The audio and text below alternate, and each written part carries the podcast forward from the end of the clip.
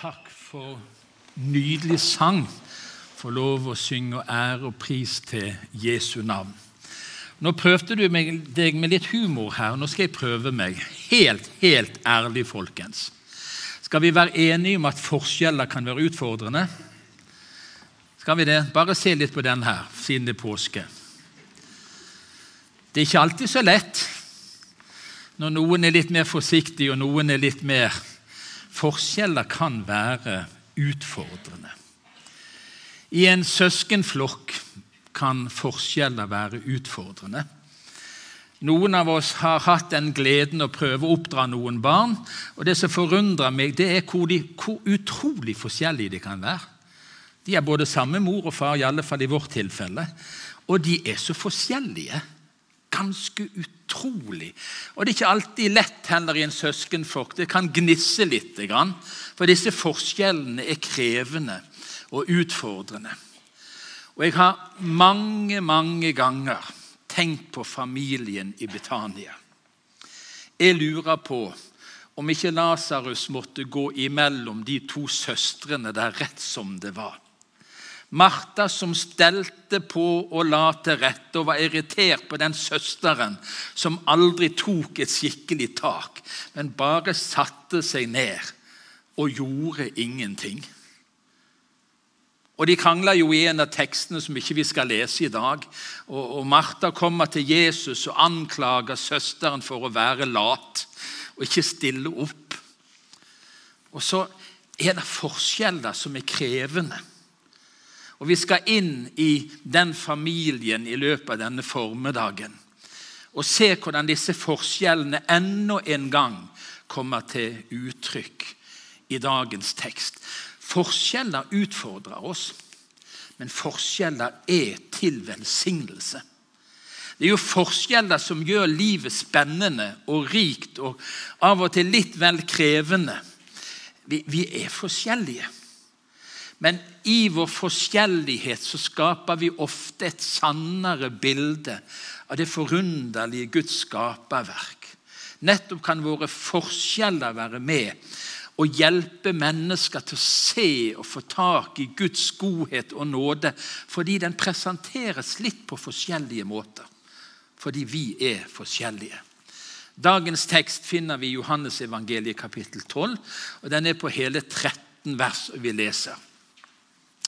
Seks dager før påske kom Jesus til Betania, der Lasarus bodde, han som Jesus hadde vakt opp fra de døde. Der ble det holdt et gjestebud for ham. Martha vartet opp, og Lasarus satt med til bords. Da kom Maria med et pund ekte, kostbar nardussalve, og med den salvet hun Jesu føtter og tørket dem med sitt hår. Hele huset ble fylt av duften. Da sa Judas Iskariot, en av disiplene, han som siden forrådte ham, hvorfor ble ikke denne salven solgt for 300 denarer og pengene gitt til de fattige? Dette sa han ikke fordi han hadde omsorg for de fattige, men fordi han var en tyv. Det var han som hadde kasten, og han pleide å ta av det som ble lagt i den. Men Jesus sa, 'La henne være.' Hun har gjemt salve til den dag jeg skal begraves. De fattige har dere alltid hos dere, men meg har dere ikke alltid. Det ble kjent i den store mengden av jøder som var samlet, at Jesus var i Betania. Nå kom de dit ikke bare for hans skyld, men også for å se Lasarus, som han hadde vakt opp fra de døde. Da la overprestene opp planer om å drepe Lasarus også. For mange av jødene drog dit for hans skyld og kom til tro på Jesus. Dagen etter ble det kjent i den store folkemengden som var kommet til festen, at Jesus var på vei inn i Jerusalem. Da tok de palmegreiner og gikk ham i møte, og de ropte Hosianna. Velsignet være Han som kommer i Herrens navn, Han som er Israels konge. Slik lyder Herrens ord. Og Vi går litt inn i denne teksten og knar litt og dveler litt på den. Det er en påskehøytid som står for døren i Jerusalem. Og det vi kan lese og, og se, at det bodde kanskje rundt 100 000 mennesker i Jerusalem på Jesu tid. Men i påskehøytiden så kunne det komme opp imot en million mennesker som samla seg. Og Det var ikke plass bare inne i sentrum til å, å, skaffe overnatting til alle disse. Så de brukte disse forskjellige småbyene rundt Jerusalem, bl.a. Betania, eh, hvor Jesus her nå var. Og Det er 800 000 mennesker som skal innlosjeres. Og Der spises, der deles måltidsfellesskap rundt omkring i hele området, for påskehøytiden nærmer seg. Og så er altså Jesus igjen på besøk i Betania. Det er tre tekster i Det nye testamentet som omtaler denne hendelsen. Eh, I eh, Matteus 26 så står det at dette skjer i huset til Simon den spedalske. I vår tekst så står det at det skjedde i Betania, der hvor Lasarus og Maria og Martha bodde. Og Det står at de var på festen, men det står ikke bokstavelig at det var i deres hus. Ikke bry deg om detaljene. Sant? Om det var i det huset eh, eller det var hos eh, Simon den spedalske, så er historien den samme. Og igjen så er vennene hans og er, Jeg syns det er fint å lese hvor nær relasjon Jesus hadde til denne familien i Betania. De betydde noe for han. Han trengte et sted å hvile ut. Han trengte venner å dele med, sånn som vi gjør det, du og meg. Og så er det en folkevandring. Det ble ofte det der Jesus var. Det var ofte sånn at når de hørte rykte om Jesus eh, Helt ifra han begynte sin gjerning, så samla folk seg i hopetall. De kunne være tusenvis av mennesker, for de hørte om Jesus. De hørte ryktet om Jesus. Og Jeg bare ber i mitt stille sinn Gud, skap sånn folkevandring igjen. Til de stedene der Jesus er. Der hvor Jesu navnet blir forkynt, at vi igjen skulle få oppleve folkevandring. Men det var ikke bare for å møte Jesus. De var selvsagt nysgjerrige på Lasarus. De hadde hørt at han sto opp fra de døde, og det var ikke vanlig på Jesu tid heller. bare så du er klar over Det Det er ikke sånn at tiden har forandra seg. Det var et like stort under som det ville vært i dag. Og De hadde hørt rykte om Lasarus, som kom ut av graven med linklærne på. Og Jesus hadde sagt 'løs han og la han gå'. Og Så kom de for å se. Og Da var det ikke nok at overpresten og de skriftlærde hadde planlagt å ta Jesus av dage.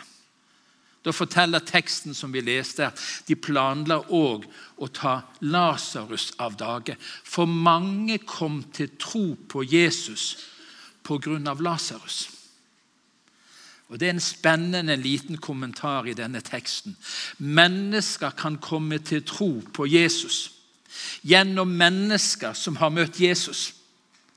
Som har fått et nytt liv i møte med Jesus du og vi kan være sånne mennesker som sprer ryktet om Jesus, sånn at mennesker vil høre og bli kjent med han.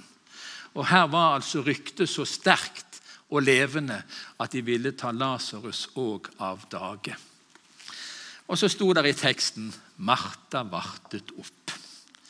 ikke det fint?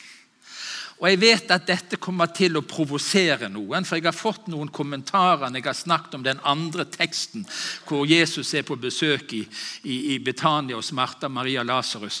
Og alltid er det de der salige som kneler, som får all oppmuntringen. Og vi som står på, vi får kjeften. Og Så er det noen som syns det er jo så urettferdig at de som er mer sånn fysisk og har liksom stiller opp og vasker gulv og dekker bord, at de alltid skal få høre Nei, det er ikke så viktig. Jo, det er viktig. Kan jeg få si det? Det er godt når noen varter opp. Det er flott at noen varter opp. Og igjen så kommer Maria ved Jesu føtter. Og så er det disse forskjellene. Vi møter Jesus på forskjellige måter. Vi har vårt åndelige liv som uttrykker seg litt på forskjellige måter. Det er noe som tiltaler oss mer. Det er noen som er mer til stede i lovprisning og tilbedelse. Noen elsker lønnkammerbønn. Noen elsker å be sammen med andre. Noen blir så fornøyde kan de bare få åpne Bibelen og være for seg sjøl. Vi, vi møter Jesus på forskjellige måter. Og så er det så ofte at vi uttrykker at vår måte er den beste måten. Og så får andre litt dårlig samvittighet. Jeg har sagt det mange ganger. Jeg liker best å lese. Det er mitt åndelige språk å lese i denne boken. Og så er det noen som ber, og de ber ti ganger mer enn meg. Og de sier hvor viktig det er. Så får jeg nesten dårlig samvittighet for at jeg ikke ber så mye som de. Og så får de litt dårlig samvittighet, for de leser ikke så mye. Og så blir det nesten en konkurranse i åndelighet. Vi er forskjellige og skal få lov å være forskjellige. Men det er noe viktig i dette som Jesus sier. Det er en utfordring. I den teksten i Lukas 10 som vi har vært inne på, så sier Jesus Maria har valgt den gode del. Det er noe som er umistelig i vårt forhold til Gud og forhold til Jesus. Vi må være der han er. Vi må søke der han forkynnes, der hvor ordet åpnes og formidles, for han er i sitt ord på en spesiell måte. Og så er vi forskjellige, og vi skal få lov å være forskjellige. Men det er en god del. Og i denne teksten, i parallellteksten i Markus kapittel 14, så står det overalt.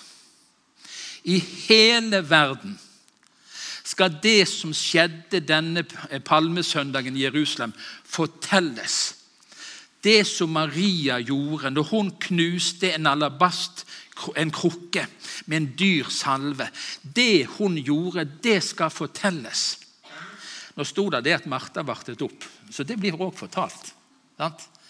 Men vitnesbyrdet, den handlingen, den gesten, det som hun gjorde som overraska og avskrekka de andre gjestene, det fortelles. Og da har vi noe å lære av det. Da har du noe, jeg noe. Uansett hva slags åndelig språk vi trives best i, så har vi noe å lære. Fordi dette forteller om en hellig sløsing. Den nardussalven hør nå folkens, var verdt ca. en årslønn. Yes. Skal vi ta kollekten nå, heller?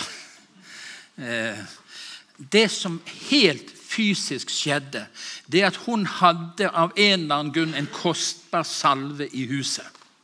Og her blir hun av en eller annen grunn minnet om å knuse den og salve Jesu føtter med det som i dagens verdi er en halv million. Vi synger av og til 'Jesus, meg selv jeg deg bringer'. Legger meg ned for din fot. Det er ikke så dyrt, det. Fordi det kan bare være en følelse som går over. Men her er det en som knuser en årslønn og salva Jesu føtter med den salven. Og det fylte huset. Og så kan noen si ja, men har, det står i Bibelen at Guds frykt med nøysomhet det er en stor vinning. 1. Timoteus brev kapittel 6. Viktig. Vi skal ikke sløse. Det er ikke det vi er kalt til. Vi skal ta vare på, forvalte det Gud har gitt oss. Men og Jesus sa de, de fattige har dere fremdeles. Vi har ansvar for de fattige. Og nå i vår tid utfordres vi konkret i vår velstand med det som skjer i Europa. Med hundrevis av tusen millioner mennesker på frukt, så utfordres vi i vår rikdom til å ta ansvar for de fattige. De som har mistet alt. Nå testes vår kjærlighet og vår tro i praksis. Men der er en raushet i møte med Jesus. Som denne teksten og Maria er et så utrolig flott forbilde på. At den som elsker, den som har møtt Jesus, den som har blitt satt i frihet i møte med Jesus La det stå til. Jeg knuser krukken. Der ryker en årslønn. So what? Jesus er verdt det. I en parallelltekst til dette som forteller om en annen historie, en annen kvinne.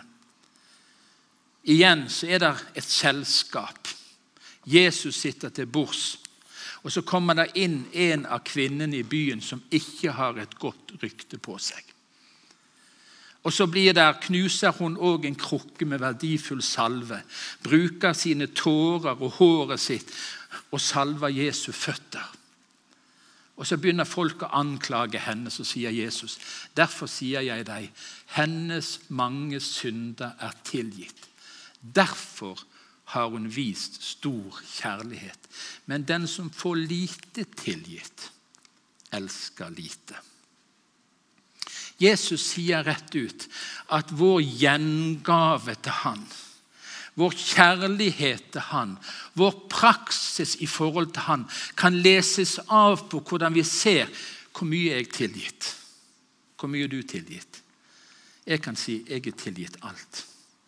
Alle mine synder tok Jesus på seg. Ikke bare litt av dem, ikke bare noen, men han tok alle mine synder. I fortid, i nåtid og i framtid, om jeg bekjenner dem for Han, og la Han få lov å ta seg av dem, så er jeg tilgitt. Og Da er det naturlig at det skaper en kjærlighetens gjengave. Jesus, du har gitt meg alt. Var ikke det dere sang? Sant? Jesus, du har gitt meg alt. Og Så skaper det en gjengave, en trang. De som virkelig av oss får se hva vi er tilgitt. Ja, det skulle vi elske mye. Skulle vi virkelig elske mye. Og så har alle disse tre parallelltekstene noen mennesker som misforstår denne rausheten og denne gaven. Og Den helt typisk møtte vi i vår tekst, Judas Iskariot. Hva i alle dager for en sløsing? Er det mulig? Å sløse en årslønn på Jesus. Vi kunne jo ha gitt det til de fattige, sier han. Og det høres så fromt ut. Men det ble mindre å stjele for han. Det var jo det som var saken i hans tilfelle. Det var mindre til hans eget forbruk som han snuska til seg på ulovlig vis. Og så tenker vi at Han var jo den eneste, for var, han var den eneste i vår tekst. Men hvis du går i Matteus 26, så står det at disiplene reagerte. Hele gjengen reagerte negativt på at Maria knuste krukken og salva Jesus og sløste. Hele gjengen. Og I den teksten som står i Markus 14, så står det 'noen som var der'. Og Da beklager jeg å si, da er vi inkludert, vi som er her òg. Er vi ikke det? Det er ikke bare Judas. For hele disippelflokken og noen som var der, de holdningene ligger òg i oss. At vi reagerer på overdreven raushet, overdreven kjærlighet, overdreven hengivelse. Vi dømmer ofte den feilaktig og rett og slett kan snakke ned om mennesker som rett og slett bare gir av ren kjærlighet til Jesus. Bli med meg en tur langt tilbake, helt til andre Mosebok. Her har israelsfolket fått beskjed om å reise et tabernakel. Tabernaklet er et forbilde på si, gudsforholdet, hvordan Gud vil ha det å bo blant menneskene. Tabernaklet var flyttbart. Så når Gud reiste seg og gikk, så fulgte tabernaklet og folket etter. Tempelet sto fast, men tabernaklet er det egentlige forbildet. Og Så får de beskjed nå skal vi reise tabernakel. Og Så skal de samle inn. Og Hvis du går hjem og leser etterpå, skal du få vite hvor det står. Så står det at dere skal gi en offergave til Herren av det dere eier. Det var beskjeden. Og Hør hva som skjedde. Men morgen etter morgen fortsatte folk å komme med frivillige gaver. Frivillige gaver. Det er så nydelig. Og så, hør hva det står. De som hadde ansvar for innsamlingen, de sa det til Moses. Du Moses, Folket kommer med mer enn det som er nødvendig. Du må stoppe dem. Og Jeg har ennå aldri opplevd, etter å ha vært pastor i 44 år, At jeg har måttet stoppe noen pga. innsamlingen er overfylt. Altså er, jeg har hørt det at i sånne der aksjeutvidelser så har de nådd så mye som de vil ha inn. Men jeg har ennå aldri verken lest eller hørt om en menighet som sier til folk dere må slutte å gi. Vi får altfor mye inn. Dette var i skyggetiden i Det gamle testamentet. De som hadde bare hørt om frelsen som skulle komme. Vi lever i nådens tid etter Jesu død og oppstandelse. Vi har sett det, vi har forstått det. Håper jeg evangeliet, hvor rikt det og hvor djupt det går.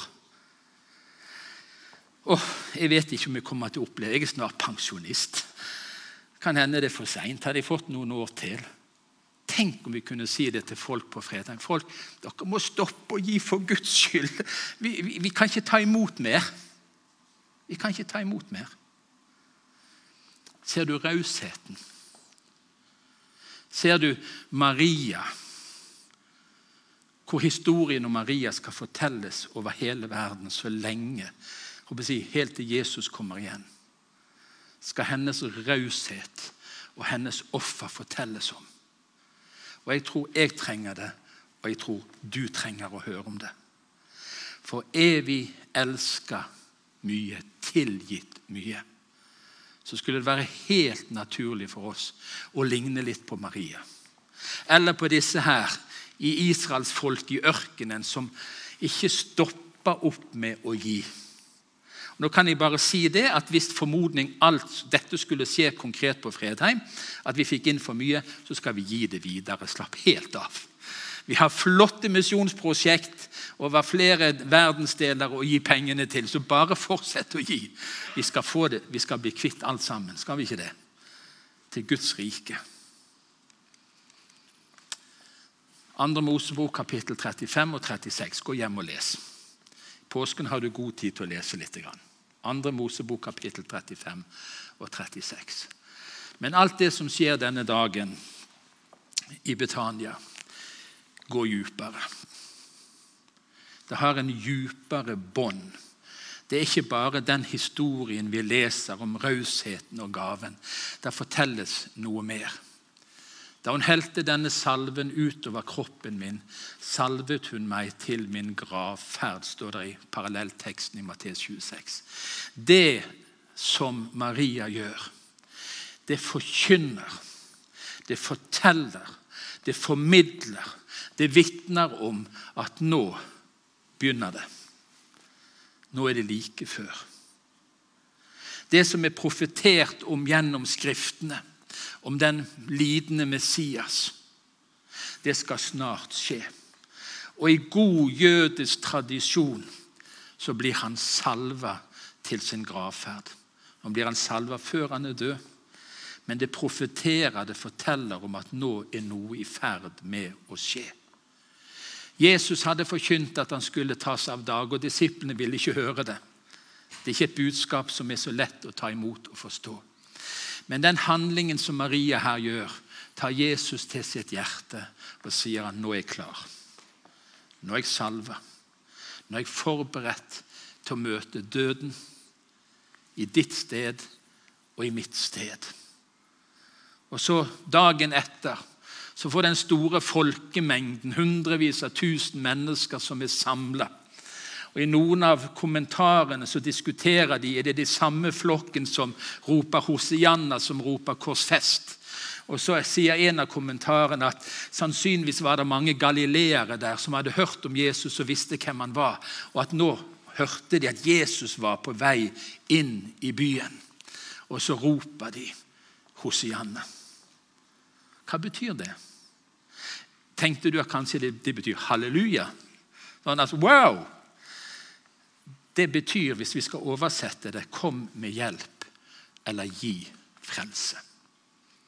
Det de roper når Jesus rir inn i Jerusalem, det er Hosianna, du den lovede, du Messias som skulle komme, du kongen som skulle komme og forløse ditt folk. Nå må du komme og hjelpe oss.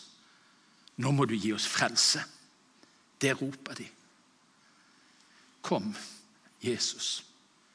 Du som rir ydmyk på et esel, kom og frels, for det er det vi trenger. Og det er det vi òg trenger, folk. Det er det Norge trenger. Det er det Europa trenger, det er det verden trenger. At vi roper Hosianna. Jesus, nå må du ri inn i byen på nytt igjen. Og så må du hjelpe oss.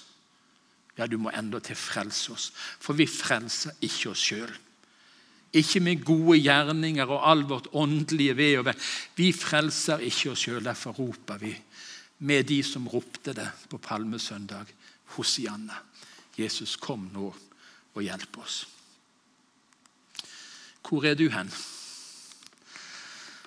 Noen har ikke kommet seg av gårde ennå. Det er ikke et spørsmål om geografi. Du kan være hvor som helst. Du kan være hvor som helst. Fysisk, geografisk. Det det handler om, det er har du valgt den gode delen. Er du der i din ånd, i ditt indre, i din sjel, i din oppmerksomhet? Er jeg der hvor Jesus er? På tross av våre forskjeller i måte å nærme oss Gud på. Er du der? Er du der? På bedehuset i gamle gamle dager, før noen av dere var født en gang, så sang vi 'Ved Jesu føtter ei stille stund' når orda kommer fra hans egen munn. Har du et sånt sted? Har du en sånn Mariaplass? Hvor Jesus kan få møte deg. For han vil møte deg. Når du kommer med ditt liv, uansett hvordan ditt liv er, når du kommer med dine nederlag, når du kommer med dine seire, så vil Jesus møte deg der. Maria valgte den gode delen. Så kan det være litt forskjellig om det er en bibelgruppe, en huskirke, eller det er lovsang og tilbedelse, eller i bønn, hvor han får lov å møte deg. Men hvor er du? Denne palmesøndagen så har jeg lyst til å invitere deg. Jeg vil ikke si noe negativt om Martha. Kjære deg. Takk og lov for de som varter opp. Men historien om Maria skulle fortelles i hele verden. Og i dag inviteres du til det stedet ved Jesu føtter, hvor han får lov å legge sine hender på deg, tilgi deg din synd og din skyld og din skam, røre ved ditt åndelige liv, fornye og forfriske deg. Du er velkommen til det på en palmesøndag, inngangen til påsken. Så vil vi innta Mariaplassen skal vi be sammen. Jesus, takk for at det ennå er et sted ved dine føtter hvor du møter oss. Hvor du taler til oss, hvor du frelser oss, hvor du forfrisker oss. Ja, du endatil kan helbrede, Herre. Og Jeg ber for den flokken som er her på Fredheim, og de som følger oss gjennom ulike kanaler denne palmesøndagen. Herre, kunne vi samle, plassere oss der som Maria plasserte seg. Kunne vi gjøre med, i våre liv noe av det Maria gjorde? Sløse på deg, Jesus. Fordi vi er tilgitt så mye. Fordi du elsker oss så inderlig høyt. Og Herre, jeg bare ber for alle som er samla her. Hvis noen lever i et uoppgjort forhold til deg, Jesus, der de ganske enkelt får knele ved dine føtter og legge av alt som tynger, og synden som så lett henger fast ved oss. Og med blikket festet på deg, Jesus, troens opphavsmann og fullender, for et nytt og evig liv. Amen.